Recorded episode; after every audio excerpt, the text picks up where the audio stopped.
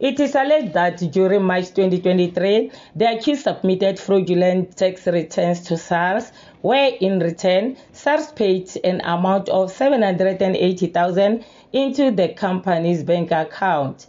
During an internal audit, auditors detected the discrepancies and reported the matter to the Hawks for further investigation. During the investigation, the accused were linked to the fraud. Warrant of arrest were issued.